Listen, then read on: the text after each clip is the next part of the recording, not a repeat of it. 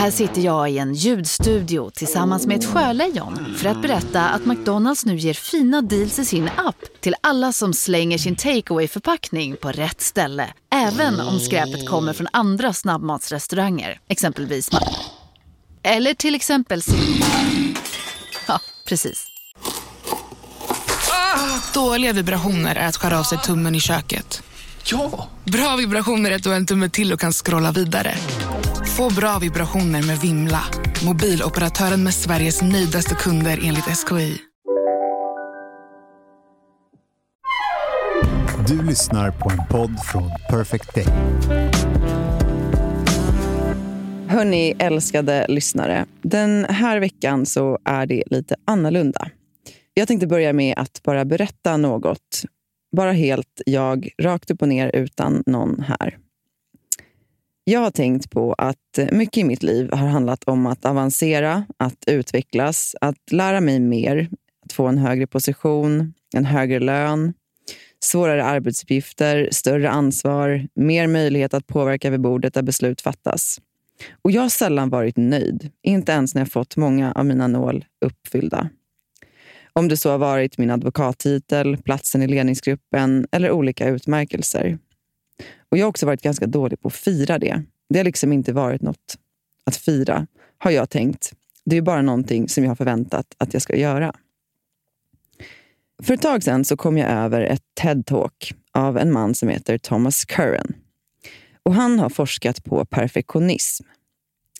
Det var någonting i hans TED-talk som fick mig att både reagera och reflektera. Och Jag har tänkt mycket på mycket av det han sa då, om hur perfektionismen egentligen hindrar oss från att leva ett sant och lyckligt och fritt liv. Men hur det också många gånger står i vägen för oss. Jag har bjudit in Thomas, eller Tom som han själv vill kalla sig, till ett samtal idag. Och Thomas är från UK och det betyder att podden idag kommer vara på engelska. Så snälla, ha överseende med både mig och kanske med er själva om ni tycker att det är någonting som känns svårt att hänga med i. Men jag tror att ni vill lyssna på det här, för det här var ett helt otroligt samtal.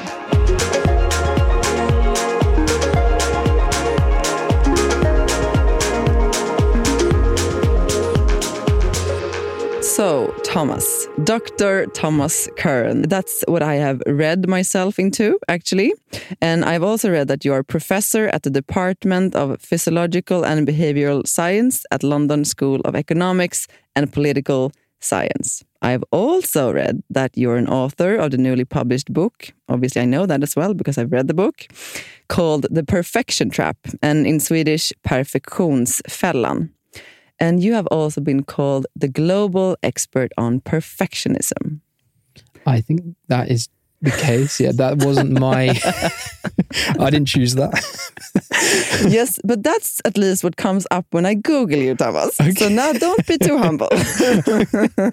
oh, thank you. You are also, from listening to both your TED Talk and other podcasts that you have taken part of, you're actually a scientist and also a man who claims that perfectionism is hindering both success and it is making us miserable.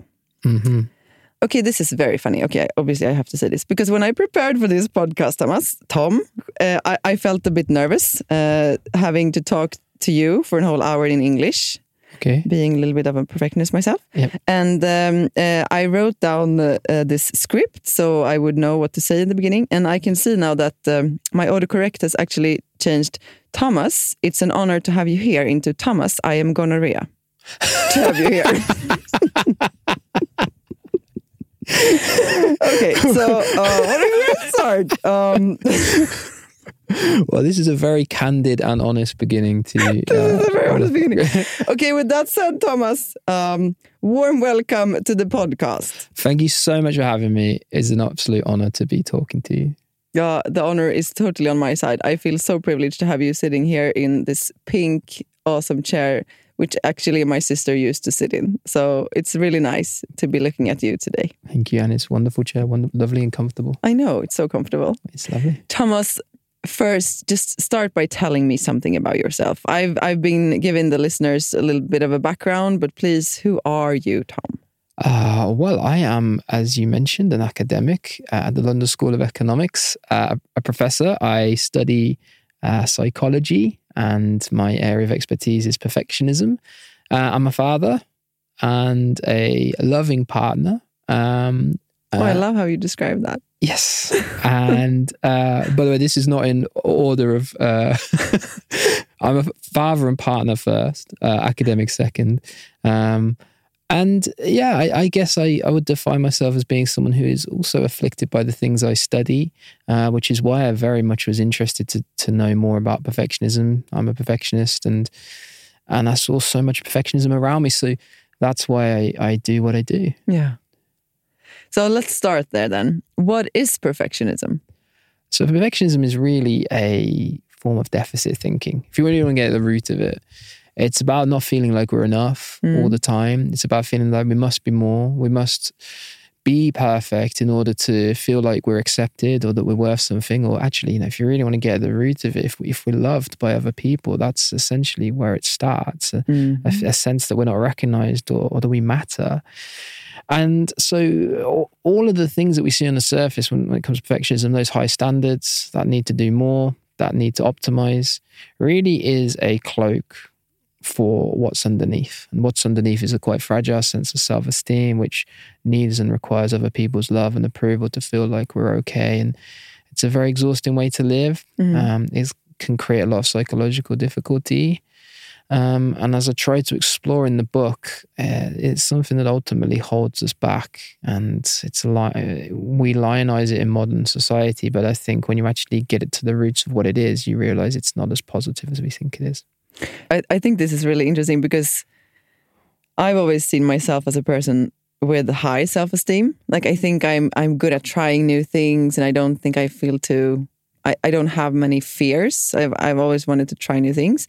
But and that have never like held me back. But also like reflecting on a lot of things, I also see that I'm very rarely satisfied. Like if I do, for instance, mm. earlier today I had a keynote and I had like a three hour long session where I first, had a keynote, and after that we had like a um, small group workshop se- session, and I could like I I sensed and I felt that it it went really well, uh, but still like when I'm driving from there, like I could hold on to that feeling very briefly, but then I'm like automatically going into like analyzing mode, like what could I have done better?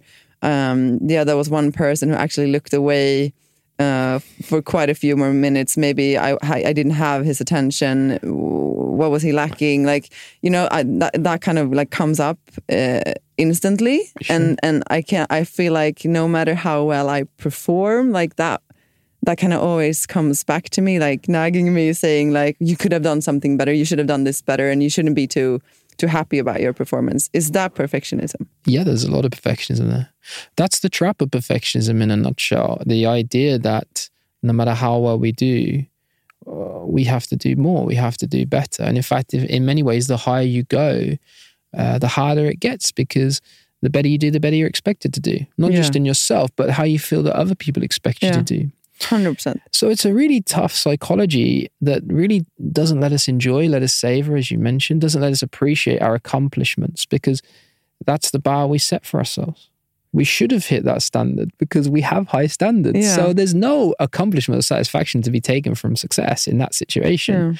And what's more, as, as you mentioned really, really well in, in the description of, of your own experience with the keynote this morning, is, is that on top of that, we then start to scrutinize. Okay, well, what can we do better? How can we improve? What can be done?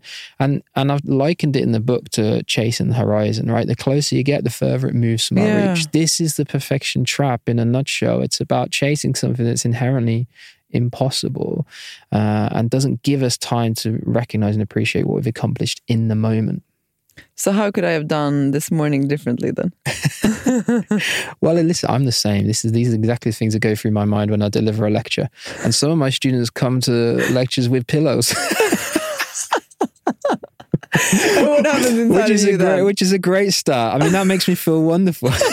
no, uh, seriously, that is so rude.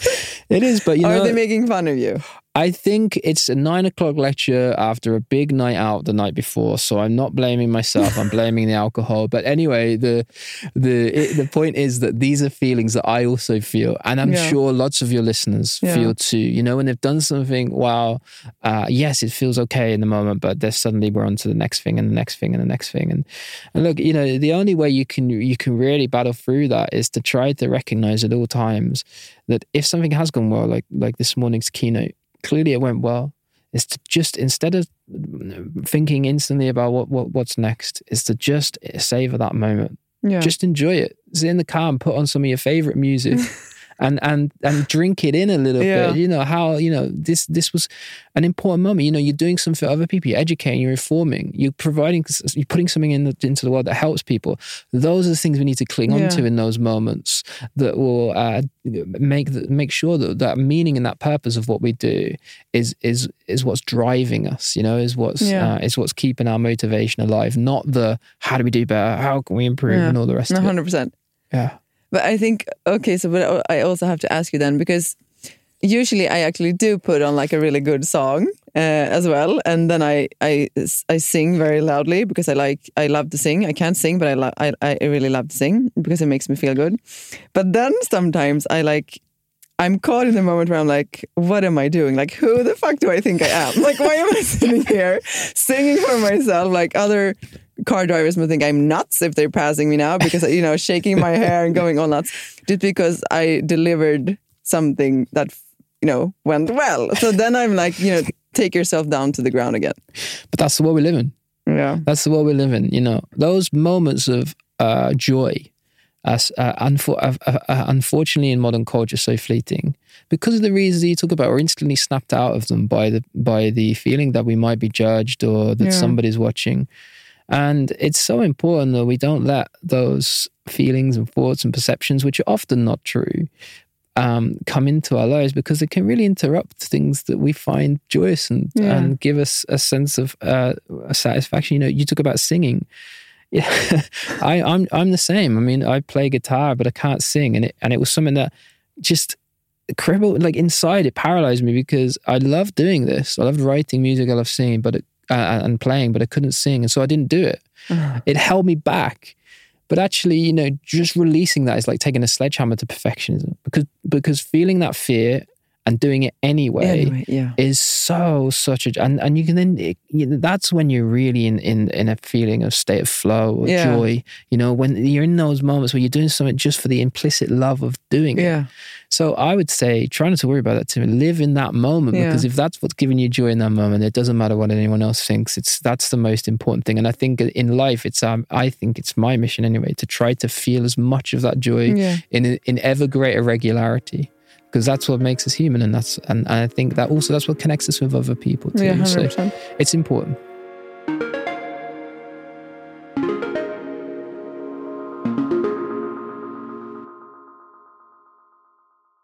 Älsklingar, den här veckan är ju Under your skin med oss igen i podden. Vi älskar ju bra produkter som är bra för oss Mhm. och vår kropp. Och Det är ju faktiskt så att alla Under Your Skins produkter är naturliga, veganska och ekologiska. Och det här är det bästa. Utan några onödiga kemikalier. Det vill vi inte ha. Saker som kan påverka vår kropp negativt, det vill vi bara bort. Usch, försvinn. Ja. Eller hur? Vi har jobbat med Under Your Skin länge och eh, vi har fått lite frågor eh, kopplat till deras produkter. Så nu tänkte vi bara lite kort idag köra lite lyssnarfrågor. Kul!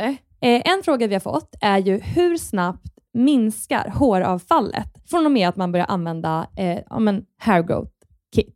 Ja, just det. Alltså, precis, för de har ju ett eget hair growth kit. Jag använder ju den och har ju använt den nu eh, ett bra tag. Och Jag var tvungen att faktiskt gå in och kolla på deras hemsida vad de skrev, för min upplevelse var ju att det, det minskade bara redan under första veckan. Det gick jättefort från att jag kunde känna skillnad när jag borstade håret på hur mycket hår som fastnade i borsten. Då har jag ju såklart också kikat då, och det är ju faktiskt det också som de själva rapporterar, att det ska gå så fort om det inte är så att man har någon särskild diagnos. Ja, såklart. Ja, men gud Ja, vad grymt. och, ja, men, så det är en sån här sak med att ja, men dels om man borstar då ser man ju hur mycket som kommer på borsten, men också alltså, man skulle ju till och med kunna typ, så väga håret bara för att se ja. skillnad. Jag märker jättestor skillnad. Okej, ska eh, vi vi har ta- någon till lyssnarfråga, Ja, eller men, hur? ja, men exakt. Eh, har du någon? Det här är en fråga som jag tycker är skitbra. Det är så här, kan man kombinera hair growth serum med detox shampoo och balsam?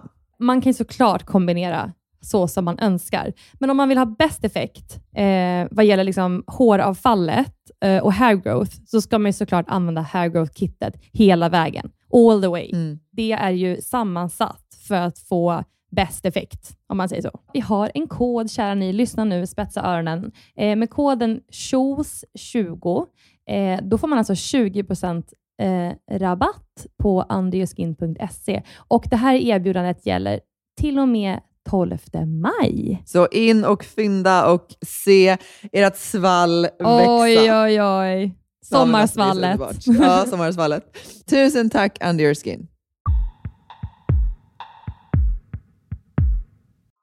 But I want to know, like, how come you started this research from the beginning? Like, how do you how how did you end up uh, like studying perfectionism in the first place? Um, I, I think as when I was younger, I had a lot of. Uh, I mean, I've always been an anxious kid. I'm I'm not a natural uh, extrovert. Uh, I don't have bulletproof confidence. In fact, I often worry about how I'm appearing and how I'm looking and all the rest of it. And I think that started from an early age. So I think there's I think there's a genetic component to my perfectionism. Um, in fact, the research tells us that quite heavily genetic, about thirty to Oh, forty really? percent. Yeah, about thirty to forty percent perfectionism. How much? Thirty to forty percent. Oh wow! Yeah, it's a big chunk. Uh, and there's nothing we can do about that, by the way. Yeah. If if our parents are perfectionistic, then it's likely we might be perfectionistic too. But I think there's something like I don't know. There's some comfort in that. Uh, do you know what I mean? Like uh, th- th- there was nothing I could do about Yeah. this. Yeah, there wasn't anything wrong with you. so exactly, like it just is is the way I'm built, and that's okay. Yeah, Um, but however, 30 to 40 percent leaves a lot for the environment to explain. yeah, So when you take that genetic predisposition and then you put me in a very competitive Mm-hmm. situation where I'm trying to lift myself above other people and overcompensate for the things that I think I lack, um, and and the things I thought I lack uh, when I was younger was you know material prosperity. I grew up in a working class town. Um, I was insecure about myself, about what I had, about how I appeared, and all of those things then kind of met the real world and suddenly exploded. And I had incredible amounts of self-imposed pressure. I mean, intolerable amounts of self-imposed pressure. I, I would stay up evenings, weekends.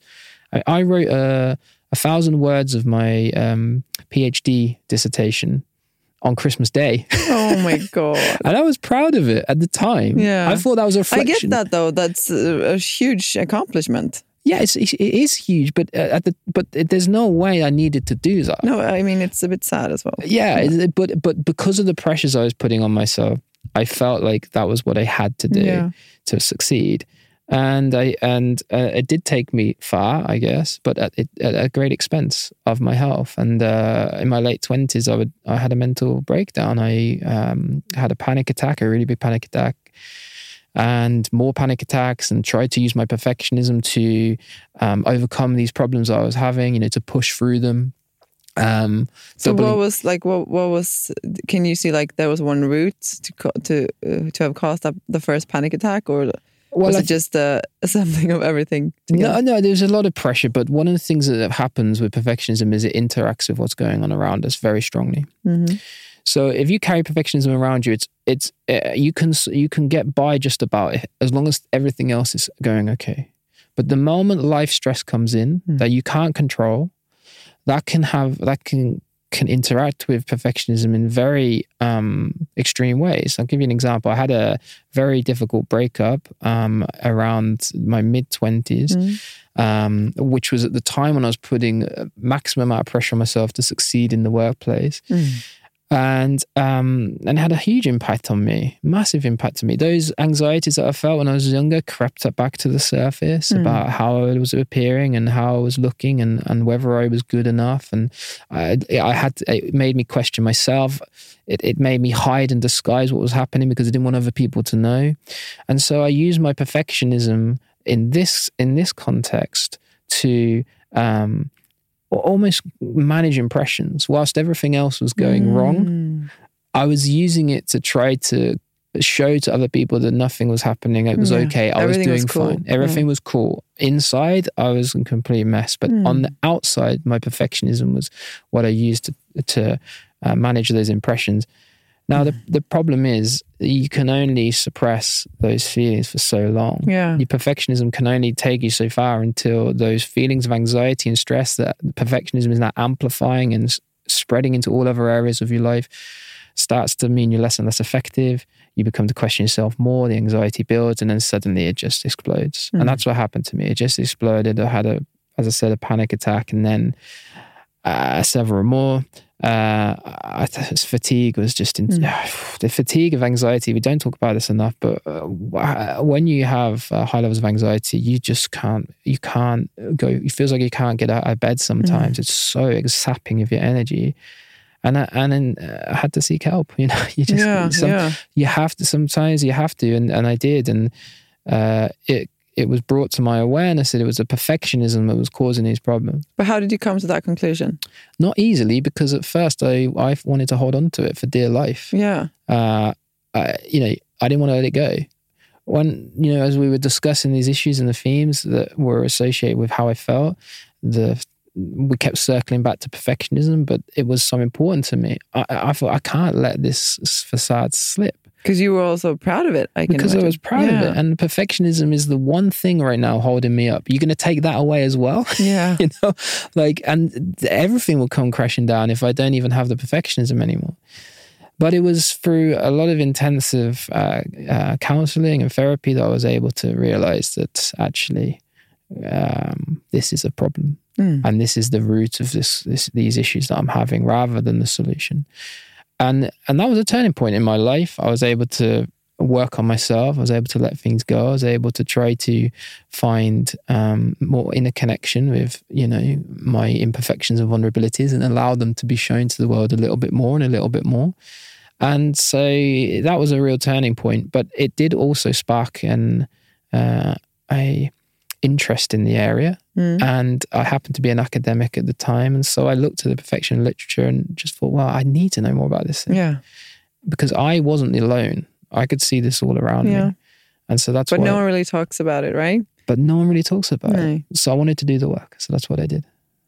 And I think obviously, like your work is so important because I've, I've also, yeah, you you uh, you you both talk about this in in your TED talk, but I think also I did read it in your book. You also call, or you actually you go uh, to the length of saying that there's an epidemic of perfectionism in the world right now. Mm. What do Mm. you mean by that?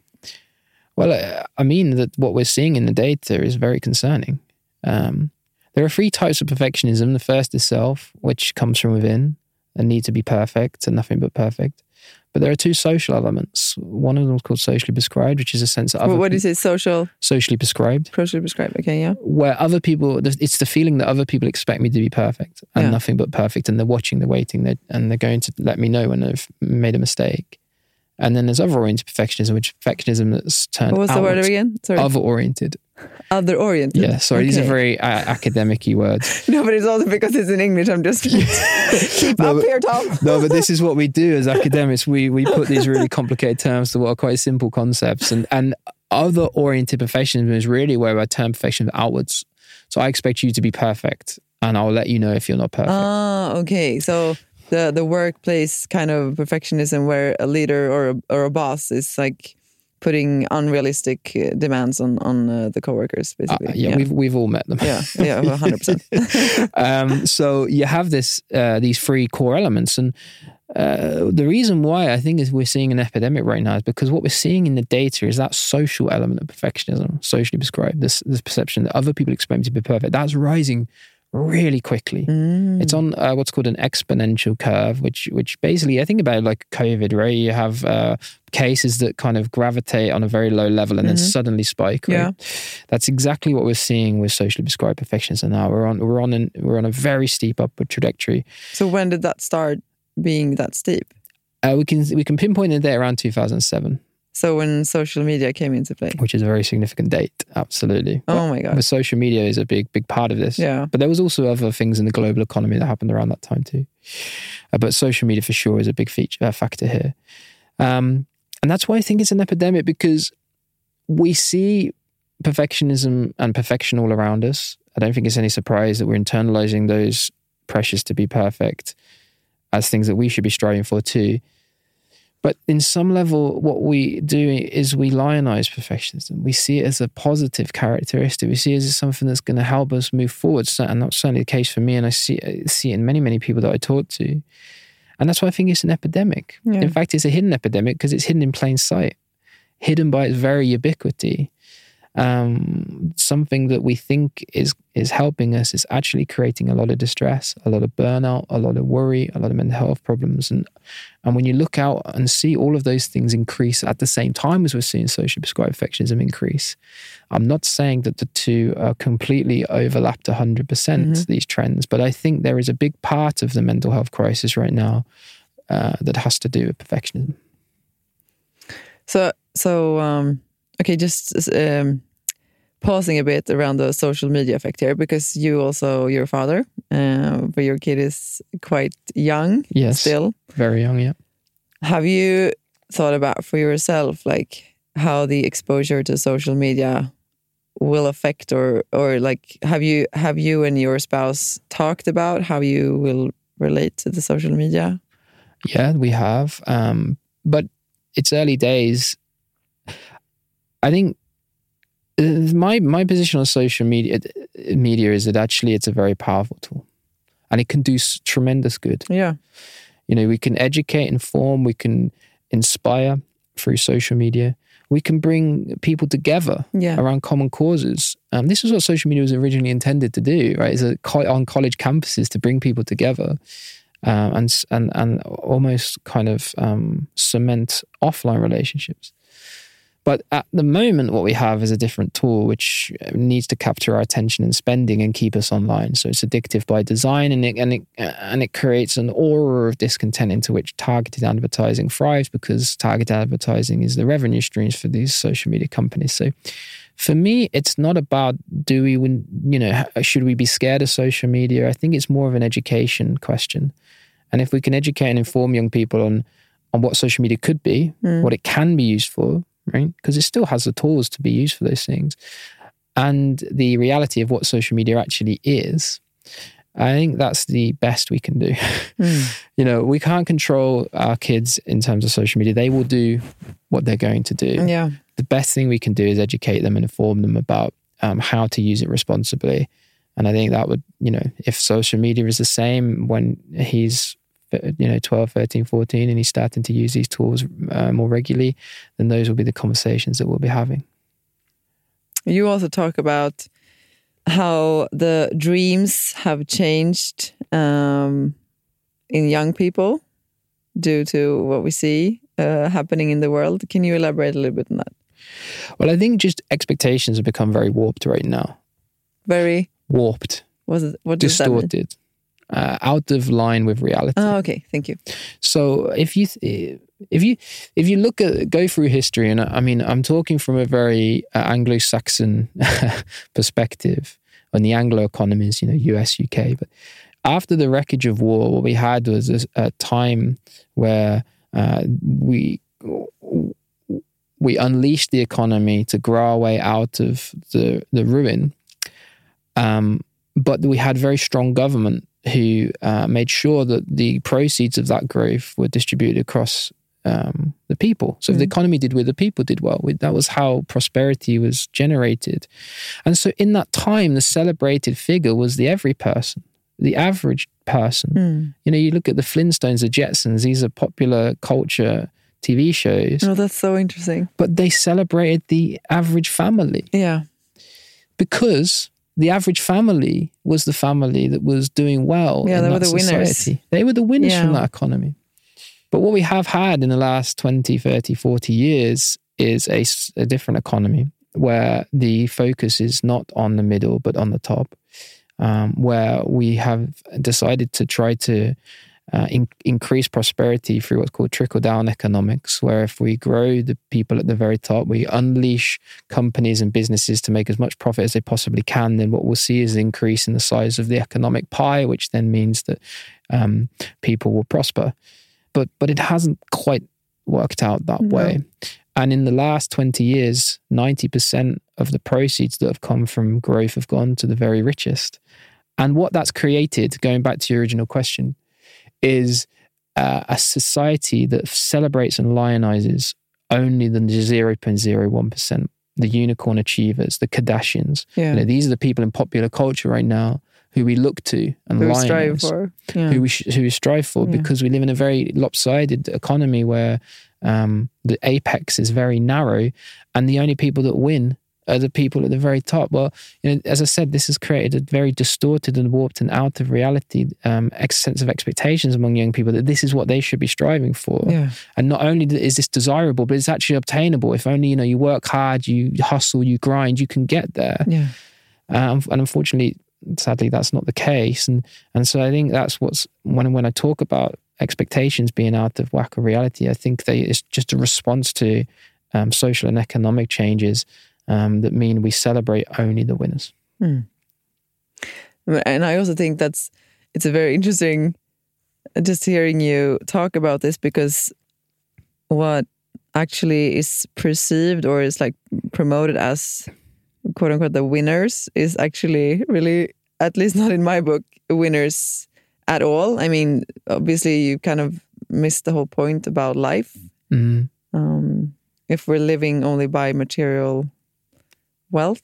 Yeah, absolutely. And some of the the you know most most levels of distress and unhappiness in the data are, are in affluent communities, uh, and and that's a Mm. very recent phenomenon. Yeah. We've never seen that in um, living history, anyway, um, And why do you think that is?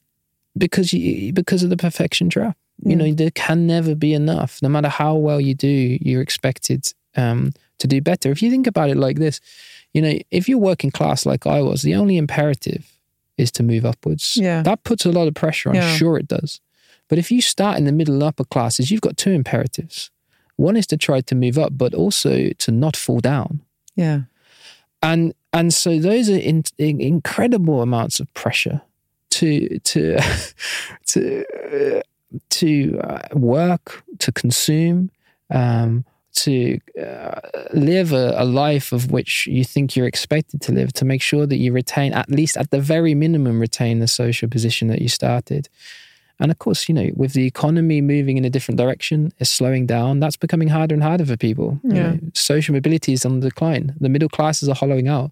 So all of these pressures and uh, um, difficulties that people are facing really are born of of a need, I think, to Mm. continually do more. And I think that's the perfection trap in a nutshell. Yeah. Yeah. I feel there's so many parts of my own life. I'm like, yeah, okay, ah, okay, makes sense. I don't know. It's just, I just feel like it's so sad in a way that I think we all have been like learning to believing that we always need to have more. And I think I've always, I, I, I've also been like a spokesperson for like, you can have more, you can have all you want. And I, I still, in some sense, believe that. But I think what I mean by all has shifted very, very, very drastically into what I thought was all before. Yeah. And I think that's, I don't know, I, I feel quite sad about just listening to like, It's no, I, I agree with you. I think the, the purpose of life is to grow, develop, and and uh, improve. But also, we have to uh, be content with finding a landing place. yeah, but that's what I mean because Yeah. I, I feel like if we're always striving for more, then we're like never really appreciating what where we are. And I think that's actually okay. So obviously, I'm struggling with the words here, but what I'm trying to say is that I kind of it, it makes me feel sad that during my whole career as a lawyer, I I was never content with being where I was. Mm. Like I was always striving for the next thing or for the next position or for a higher job or a bigger salary. And I think that to me is a bit sad, you know, like I, I and and I can see that I was learning to believing that my title was important, where in fact maybe it wasn't really that important. Well, I just want to like take a bit of that off you, if I may, because that this is not this is not your fault in the sense that like you know it, it, like any anything whenever we go in, uh, into into a job or whatever and the high, higher we go then naturally there are other things that come into our lives that mean we have to continue to work. I mean Yeah. in my life you know i got a mortgage now. Yeah. you know i've got a child. Mm. So these are also pressures that are coming at us. Yeah. like it's not something that we choose to do. I would i would love to not have to worry about paying the mortgage and childcare costs every month and just work for the pure joy of doing it but mm. that's just not the world we live in and the and the higher we go the more outgoings we have the more Yep. expenses we have and it never really stops because that's just the economy we live in that's the society we live in and I think it's really important to bear that in mind when we reflect on our own journeys because sometimes you know there's a there's there's not much choice. We just have to keep going. We have to keep working to make sure that we um, maintain a standard of life, and that's just the way it is. Yeah, I know. It's just as the way it is. But I also think like and maybe I should say that because I also like I'm I'm I'm very inspired by and I'm like and I also think that people that work hard, I mean there's nothing wrong with that because I also I think it takes so much to actually like keep on working even though you feel like I just I just want to leave. So I think that's also just just putting that out there. Yeah. Um, but I'm also thinking about okay, so you're you're now a father. So have you also have you reflected on like how the perfectionism actually affects you in or or maybe kind of what part of a role does it play in your parenting? Um, well, one of the things you realize very quickly as a parent is that you can have the best intentions. you can have a chat with your partner about how you want to raise this child and one of the values you want to instill and all the rest of it. And you realize pretty quickly that you are reduced to nothing more than a helpless spectator. so true. and that's all right. Like that's uh, that is that's okay. Um, and I think one of the things about about perfectionism and, and parenting that's really interesting is, for me, I still carry around perfectionism, but you can't How does that take its form?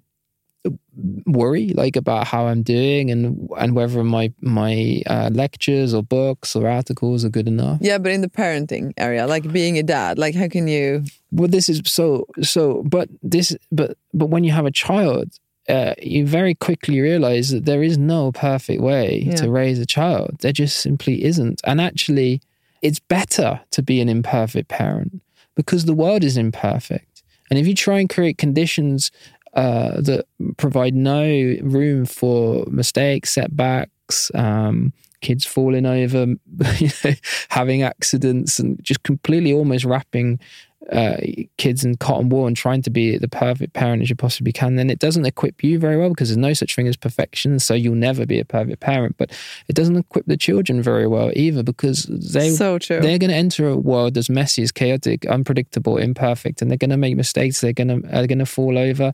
Uh, they're going to bash their head, and they're going to uh, find that there's going to be things that come into life that are very challenging, Yeah. emotionally, physically. Uh, there's going to be so many things that we cannot control in the world, and it's really important to prepare them for that. yeah. And the imperfect parent is probably the the most optimal parent. Do you know what I mean? Like, Yeah, hundred percent. Like I, I'm just my editor to actually put in like applause into this. segment. No, because no, but I think this is so important, Tom. Like I think this is also so so interesting. Like I, because on a personal note, I've also been struggling a lot with feeling like I haven't been doing it. Like okay, so for instance, I have this thing like I really don't want to yell at my kids. Like I, I I really don't want to yell at them. Um, because I've read so much about like what does what that does to them and like you know and I'm so not uh, for like an authoritarian parenting style like that's not me at all Mm. but despite that I do yell at my kids sometimes because sometimes it just you know you're overwhelmed Yes. but I've also noticed that when that happened in the beginning I was like I was giving myself such a hard time like when I'd been yelling at them Mm. um, now I'm not really giving myself that much of a hard time, but I'm always like I'm apologizing. I'm I'm taking ownership of like I'm so sorry I yelled at you. I shouldn't have done that. I I wish I I have done. I wish I did like this instead. And like talking them through and explaining why why I yelled and it's never their fault. It's my fault because I'm the adult one. But I also think it's so important that I actually do yell sometimes. Like that's where I'm that's where I'm at now. Like I, I obviously I have to lose it sometimes because that's the part of being human. Yeah. And I want them to know that it's okay. I still love them and I want them to know that when they yell, when they because obviously they yell all the time. I still yell them. I still love them and I love them when they yell. I love them when they laugh. Like there's no Yeah. I don't make a difference there. So Yeah, Yeah. it's so important. Yeah. It's so important. And that humility is so important. Kids are very impressionable creatures. They they they learn so much from their parents and yeah. you have to be open about your your frailties and your vulnerabilities and your shortcomings and laugh about them. Yeah. Talk about them. I think that sets such a good example for young people that actually it's okay. You know, to sometimes just lose control every now and again because the world gets on top of us Yeah. and there's no um you know as long as we uh, make amends as you mentioned as long as we act, rect, uh, rectify the situation acknowledge it and talk about Yeah. it then that's a very good lesson for Yeah. for, pe- for young people And I think isn't that also like because I'm instantly starting to think about so many situations in work life where okay, so a lot of groups struggle with so we don't have a lot of we don't have enough trust or um, we don't feel like um, the group is going towards the same direction. We don't have like this vulnerability that we want to have for people to feel safe. And then, because actually, I was thinking about this earlier today when I was at this um, uh, at this leadership uh, uh, session that I held, uh, where there's usually because a lot of people that have come far away uh, actually are quite good at not showing their feelings or not, like not losing it, like always being calm or at least they present themselves that way.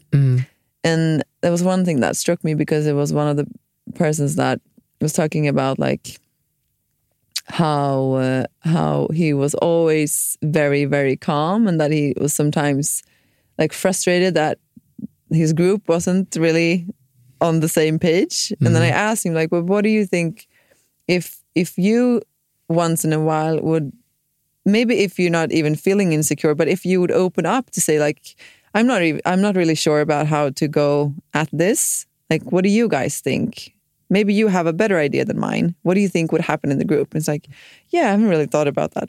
And I'm thinking so much about if we're not even being like open with our imperfections in a group setting where we want people to trust us, yeah it's it's very hard to trust someone that's perfect. it can't work It can't it work. can't work there's actually like one of the things you notice when you show yourself and all of yourself and all of your feelings which include imperfections Yeah. this the, it is something remarkably liberating about that in terms of in terms of the way that you feel about yourself but also people can see it and they instantly are drawn to you there's almost something very because it's so shared that's our common humanity Yeah. when and we live in a world that tries to disguise those things all the time when suddenly someone puts their head above a parapet and shows himself it's almost like a breath of fresh air Yeah. and you, I, I give lectures and I, I tell students, um, young graduate students, that you know I didn't do it. You know I wasn't perfect, and there hmm. are things across my career that I've done wrong, and analyses that I've got, got screwed up, and all the rest of it. And there's almost like a sea of relief that this bulletproof professor that they thought in their mind was going to be perfect suddenly wasn't, hmm. and that actually it's the permission Yeah. that they needed to struggle. It's the permission they needed to be imperfect. And so it's really important in organizations, I think, to sh- lead by example in that Yeah. respect. If you're in a position of influence, it's so important to to show that nobody's perfect Yeah. and the mistakes are normal and that we can talk about them and we can rectify them and we can keep moving forward. This is the, mm, you know, this is the, uh, what's called psychological safety. Mm. Um, I think it's, I think, I think, I think it's so crucial because it, it really does. There's something intimately connecting about imperfection. obviously like the million dollar question but i mean what can we do then to move away from the perfectionism focus Well, I think there's a few things that I, I would suggest. There's no quick there's no quick fix. That's the first thing to say. I think it's really important to, Mm. to recognize that this is a journey and the destination is less important than the direction. And the direction is really to try to meet ourselves more and more. We, we talked about joy, but joy is really about being in intimate connection with ourselves and all of our feelings. You see this in young people, all the children, all the time, just that kind of zest for life. Mm. You know, there's nothing matters to them except what they're doing in that moment. If you've ever like met someone and you've fallen in love for the first time, that kind of moment where you, nothing else matters, Yeah. and all that matters is that feeling. That's joy, and that's being in connection with our true values, our true feelings. Yeah. I, I, that's you know that's really what I think overcoming perfectionism is all about is reconnecting with ourselves hmm. to, to to move us closer to who we really are because perfectionism is really promises to, to connect us to this idealized image of ourselves which doesn't exist. Hmm. And how does that look practically? Well it looks like pushing yourself out your comfort zone a little bit showing up and being vulnerable putting your hand up to do things that you might feel uncomfortable and just going through the emotions. Put your hand up to do a talk if you're if you struggle with public speaking for example or mm, volunteer yourself to lead a project. It's it's so important to go through the emotions of discomfort that that, that pushing ourselves out of our comfort zone. And actually in those moments we're going to demonstrate to other people that we're not world champion at these things that we we are you know we are worried and nervous for for reasons that we don't feel like we're good enough but that's the whole point, isn't it? It's it's about it, it's about re- revealing um, or, or, or going through feelings of um, discomfort and realizing through them that it's okay. Yeah. That it's not as catastrophic as what we thought it was going to be. That the perfect person we're trying to be that's stopping us doing those things Yeah. is really not worth living in fear for. And as we go through the motions of that, we realize that actually, you know, it's fine Yeah. like you know it's I, doing a book is really good in this respect because i stopped putting this out into the world for many many months and years because i was worried it wasn't enough Mm. but as soon as it went out you realize that that was completely stupid Yeah. to be f- in fear of that because yes you're going to get bad feedback. Yes people aren't going to like it. Yes you might make mistakes. And all of those things would have been catastrophic or I, I, I, in my mind they were catastrophic. But when you actually experience them they're, they're not catastrophic at all. Yeah. it's just part and parcel of being not pleased you know being imperfect. The book is imperfect and that's okay. And there are going to be people that will pick those imperfections out and that's also okay. Yeah. The main most important thing is putting something into the world that's the most important thing That's so liberating. Listen to you. yeah No, I, I actually, I love everything you're saying right now. Um, I feel it resonates so well with how I've been feeling the last year as well. To be honest, like leaving my job, um, just putting myself out there uh, without really having a plan, just knowing I want to be out there. I want to be giving keynotes. I want to be vulnerable. I want to be, you know, needing to like wipe my armpits from being soaked with sweat because I'm so nervous. You know, like I've been wanting to feel yeah more alive. Uh, and I, I just think that hearing you say like, so that's a way from actually perfectionism as well is, um, it's like It's a le- comforting it's hear. like a leap of faith isn't it yeah, you know it's like not um i don't know it's uh, it's it's so scary in the moment Yeah. but then once you've taken that leap you realize actually those fears were not at all yeah, they weren't true. the truth No, and I also think like, and sometimes I feel like it's easy for me to say because since I've been, you know, I and still am carrying loss, uh, and I think that, you know, certain things become. Also, you know, things that you in your head painted up to be like this impossible decision or or something that you could never grasp for, or that's something you weren't um, worthy of. Like I think when something happens that kind of shakes the foundation on which you're standing, like everything becomes so much more clear, Mm. uh, and things aren't really that scary anymore. I mean, from my perspective, some of the worst things have already happened to me. yeah So I'm like, what if I fail? What if no one shows up to my keynotes? You know, what if someone doesn't want to listen to my podcast? It's like, mm, it's not the end of the world. I'm still here, that's right and let's try for something else then. and that's something else what what would you say that something else is what's the big what's the bigger motivation for you What do you mean? In in taking this different direction, what what do you think is the what's Oh, the why? Okay, okay, What's hundred percent. I meaning? know hundred percent what it is. It's Yeah. like being more uh, true to myself, Mm, um, getting back to like who I am, what I stand for, what makes me happy, um, Mm. what give what brings me joy. yeah. Because I think that's also what becomes so vivid. Like, I think we live in we live our lives in a way that we don't actually acknowledge the fact that we're going to die, even Yeah. though like we all know that Mhm. that's going to happen. It's it's ine- inevitable. Um, but I think when you kind of become so aware of the fact that you are going to die one day, because that's what happens when you know you are so close to death. Um, I just think that what becomes the most, at least that was what what happened to me. That the most important thing is like living a true life. Like I don't want to be because I don't know if I'll have cancer in two years. I don't know if I'll be eighty. No one really knows, right? Mm, So I just feel like the time I have, I want to be 100% sure that I lived a life that was true to me. Yeah. Because that's what's going to bring me the most joy. And Yes. and from my perspective, that was spending more time with my family. I was doing things that really made my heart sing. Um, Mm. So before it would have been such a huge decision to leave my job because I'd been working so hard for so many years. yeah. Um, but seeing my sister become more and more sick, it really wasn't a difficult choice at all.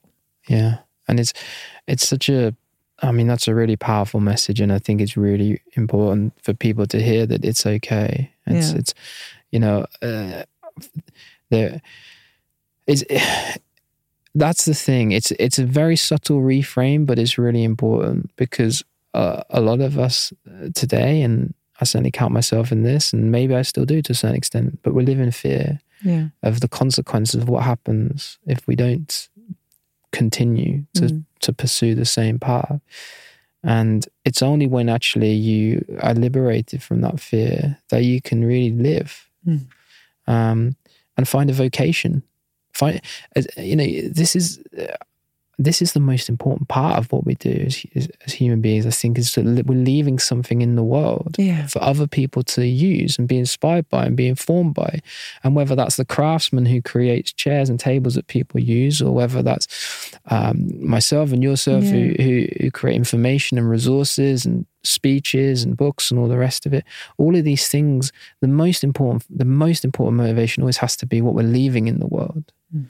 You know, that's crucial.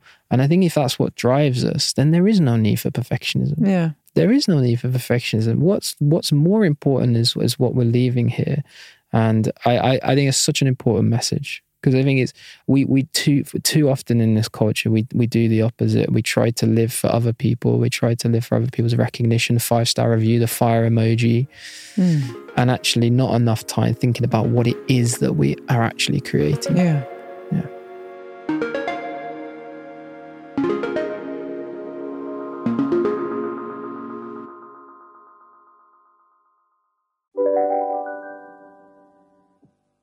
Till Unionen. Hej! Eh, jo, jag ska ha lönesamtal och undrar om potten. Ja, om jag kan räkna med övertidsersättning för det är så stressigt på kontoret jag jobbar hemma på kvällarna så kan jag då be om större skärm från chefen för annars kanske jag säger upp mig själv. Och hur lång uppsägningstid har jag då? Okej, eh, vi börjar med lön. Jobbigt på jobbet. Som medlem i Unionen kan du alltid prata med våra rådgivare. Demideck presenterar Fasadcharader. Dörrklockan. Du ska gå in där. Polis? Effektar?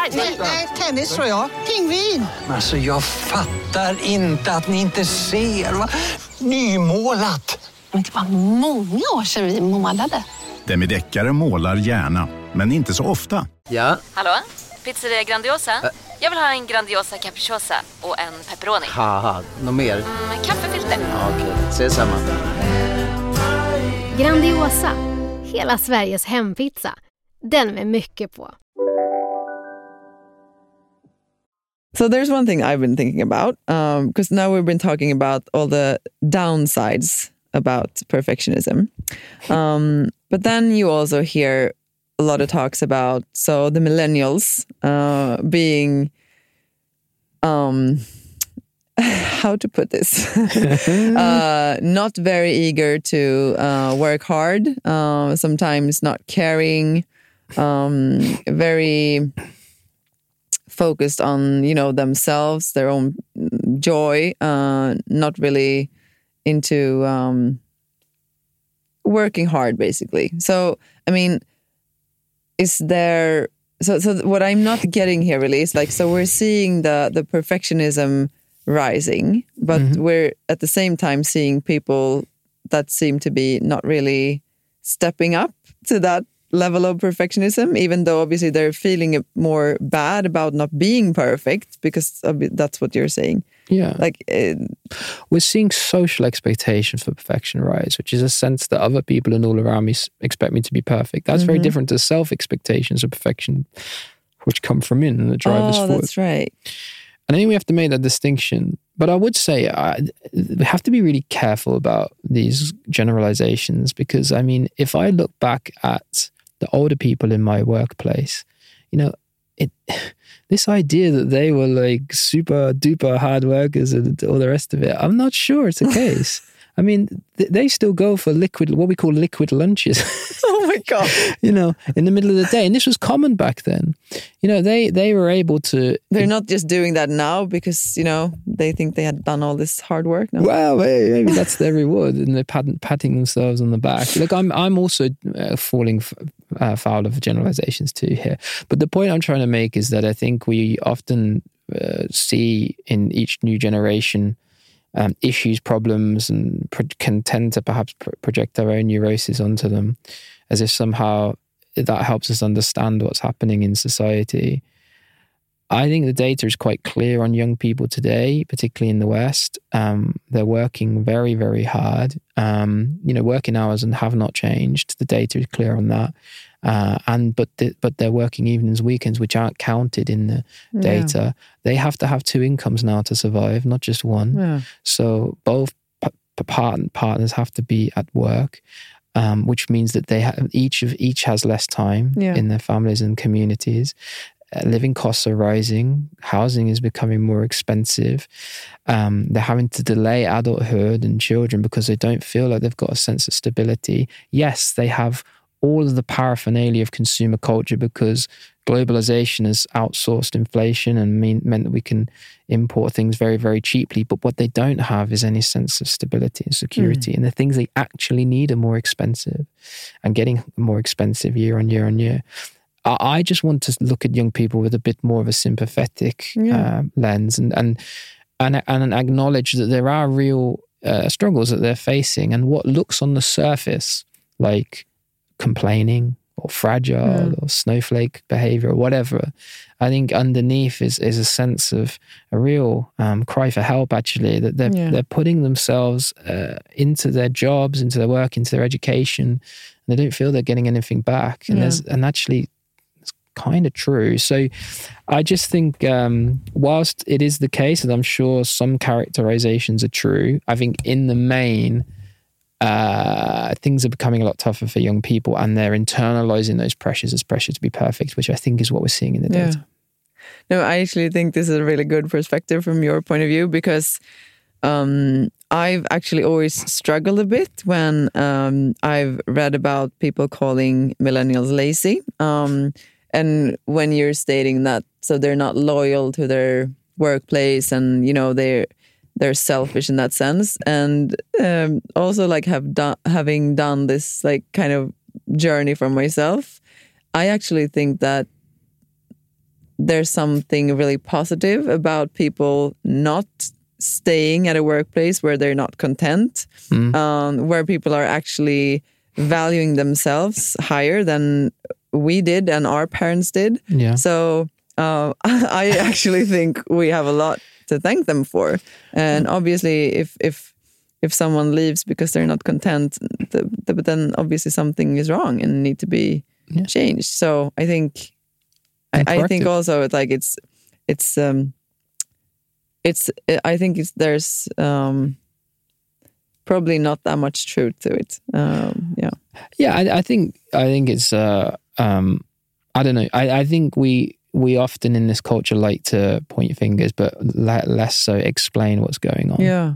and I think the explanation uh, is is much more helpful in understanding those generational dynamics. Um, But look, you know, it's it's not easy for everyone. We're, uh, we're saying it's just a young person thing, but I think these pressures have been felt by all sorts of different people in society today. Um, and I think it's it's important instead of um, creating, you know, polarization and conflict, Yeah. that are actually this is a shared problem, Yeah. and that actually we can we can solve it together. Yeah. So how do we solve it? Well, I think there's loads of things we can do. I think the first thing we have to, you have to recognize that society is uh, modern economies are predicated on a on an assumption of exponential growth. This is just how, you know, the society's growth mindset has been implanted in our growth mindset, and um, and we push ourselves relentlessly hard because that's how the economy works. So by that you mean, just for my own understanding, that um, we have been like programmed to believe that we always need to elevate, like we always need to move further, higher. Yeah. Yeah. Okay. Mm. because that's the only way this economy works, right? Yeah. If we were content, if we felt like we didn't need to consume in uh, in heavy measure and work so hard, then what you would start to see is a cascading effect whereby jobs would be lost Yeah. because we're not spending as much money. Yep.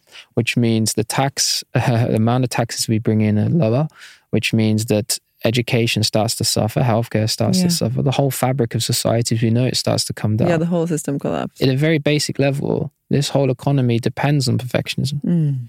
And perfectionism, in that sense, is systemic. And what I'm saying, if we want to really get on top of this, is we have to work out how we can live in a post scarcity society where we can enjoy the abundance that we've accrued from that perfectionism Mm. and, and not put the same pressures on, our, on future generations. Yeah, and this is not just, by the way, for our psychological health. This is for the planet too. If we continue to focus on this growth at all costs approach to our economies, then we're going to overshoot planetary thresholds. It's already happening. Yeah. And and so what I'm saying, what I've tried to argue in the last chapter of the book is we need to take a little bit of a broader look at this problem Mm. and figure out actually how do we live inside a society where maybe the economy is not growing at all times, Mm. but what is what is growing is life expectancy or Mm. people's happiness or time in communities and with families. And, and if those things are increasing, then does it matter if the economy is growing? I'm not sure it does. And I think that's a question for us all to, to wrestle with. And there are many ways that we can make that happen through very specific policies. I won't I won't bore you with the details, but I think at a very um, basic level, I think that that needs to be the next step Yeah. in uh, in society to move away from growth dependent or um, economies to economies that are growth agnostic and that prioritize human needs instead. Amen. and I'm not even a Christian. Okay, but I think okay. So thank you so much, Tom. I'm I'm now also thinking like because you were talking about okay what we need to do within the system, and mm-hmm. I understand if you don't want to answer this, but so obviously we're concluded here like there's something wrong with the system. There's something seriously wrong with the system.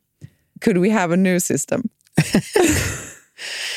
I'm very optimistic about the future. I, I think I, I think young people in particular are, are, are, are calling for a different way of thinking. Yeah, Now they're, they're they're responding to very live issues in the environment, which are going to impact them. Yeah. Uh, but they are also seeing that this doesn't work for them too, in terms of their own personal circumstances. So this is not just a collective problem; it's also an individual problem for them. And I think that movement will only grow Yeah. as the problems that come from growth-dependent economies start to make themselves more apparent. So I think there is there is uh, optimism to be had. Um, whether it's going to happen in the short term is an open question. Probably not. But I think you know when uh, our children are older, I, I have I have hope that things will move in a better direction. Mm. Um, and you know you know how that looks is not for me. To, I'm not an economist. I work at the London School of Economics. How that specifically looks and how that's implemented is for all sorts of social planners, economists, sociologists, psychologists, behavior scientists to work to figure out. But all I'm saying in the book is that I think we do need to figure it out. I think we do need to look at it because this is more than just a problem of us. And actually, this is this is so important that people recognize that this is more than a problem of us because if we can know that this is not our fault, that Mhm. the way that we feel is systemic, that we're supposed to feel these things. We're Mm. supposed to feel not enough because that's how our economy is designed. Mm. That takes incredible personal power and responsibility off the way we feel. It makes us realize that there is actually nothing wrong with me. Yeah, it wasn't my fault. it's not my fault. Yeah. And that actually, there's something liberating about that. Yeah. It just, just in and of itself, in terms of something very healing about that. And that if we can know that, then we can cha- choose a different direction Yeah. from a place of um, awareness. Knowing As- that we don't have to be perfect. Exactly. Yeah. Yeah. Tom, thank you so much for joining my podcast. It's been a privilege talking to you. Um, I feel like I've learned so much, and it's been really nice sitting here chatting to you. Well, thank you for having me. I've loved our chat. And good luck with the book. And um, as I said in the beginning, you can purchase it in either Swedish or English. And it's in Swedish, it's called Perfektionsfällan. Att omfamna kraften i lagom bra av Thomas Curran. Och hörni, tack alla ni som har lyssnat på veckans avsnitt. Jag hoppas att ni har tyckt om det lika mycket som mig. Gå nu ut och var lite mer lagom. Kram på er. Hej då!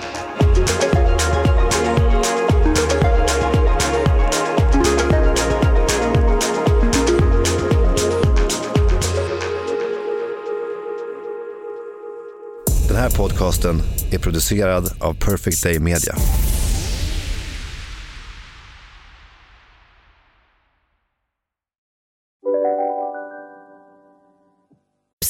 Känner du igen en riktigt smart deal när du hör den? Träolja från 90 kronor burken. Byggmax. Var smart. Handla billigt. Kolla menyn. Vadå? Kan det stämma? 12 köttbullar med mos för 32 spänn. Otroligt! Då får det bli efterrätt också. Lätt! Onsdagar är happy days på IKEA. Fram till 31 maj äter du som är eller blir IKEA Family-medlem alla varmrätter till halva priset. Vi ses i restaurangen på IKEA. Dagens vinnarprognos från Postkodlotteriet. Postnummer 65209, klart till halvklart och chans till vinst. 41101, avtagande dimma med vinstmöjlighet i sikte. Övriga 10 500 postnummer, soligt och möjlighet att vinna. Oavsett när sommaren kommer till dig så kan du och dina grannar få dela på 48 miljoner i sommaryran. Ta chansen nu i maj på Postkodlotteriet.se. Åldersgräns 18 år. Kontakta stödlinjen om du eller någon anhörig spelar för mycket.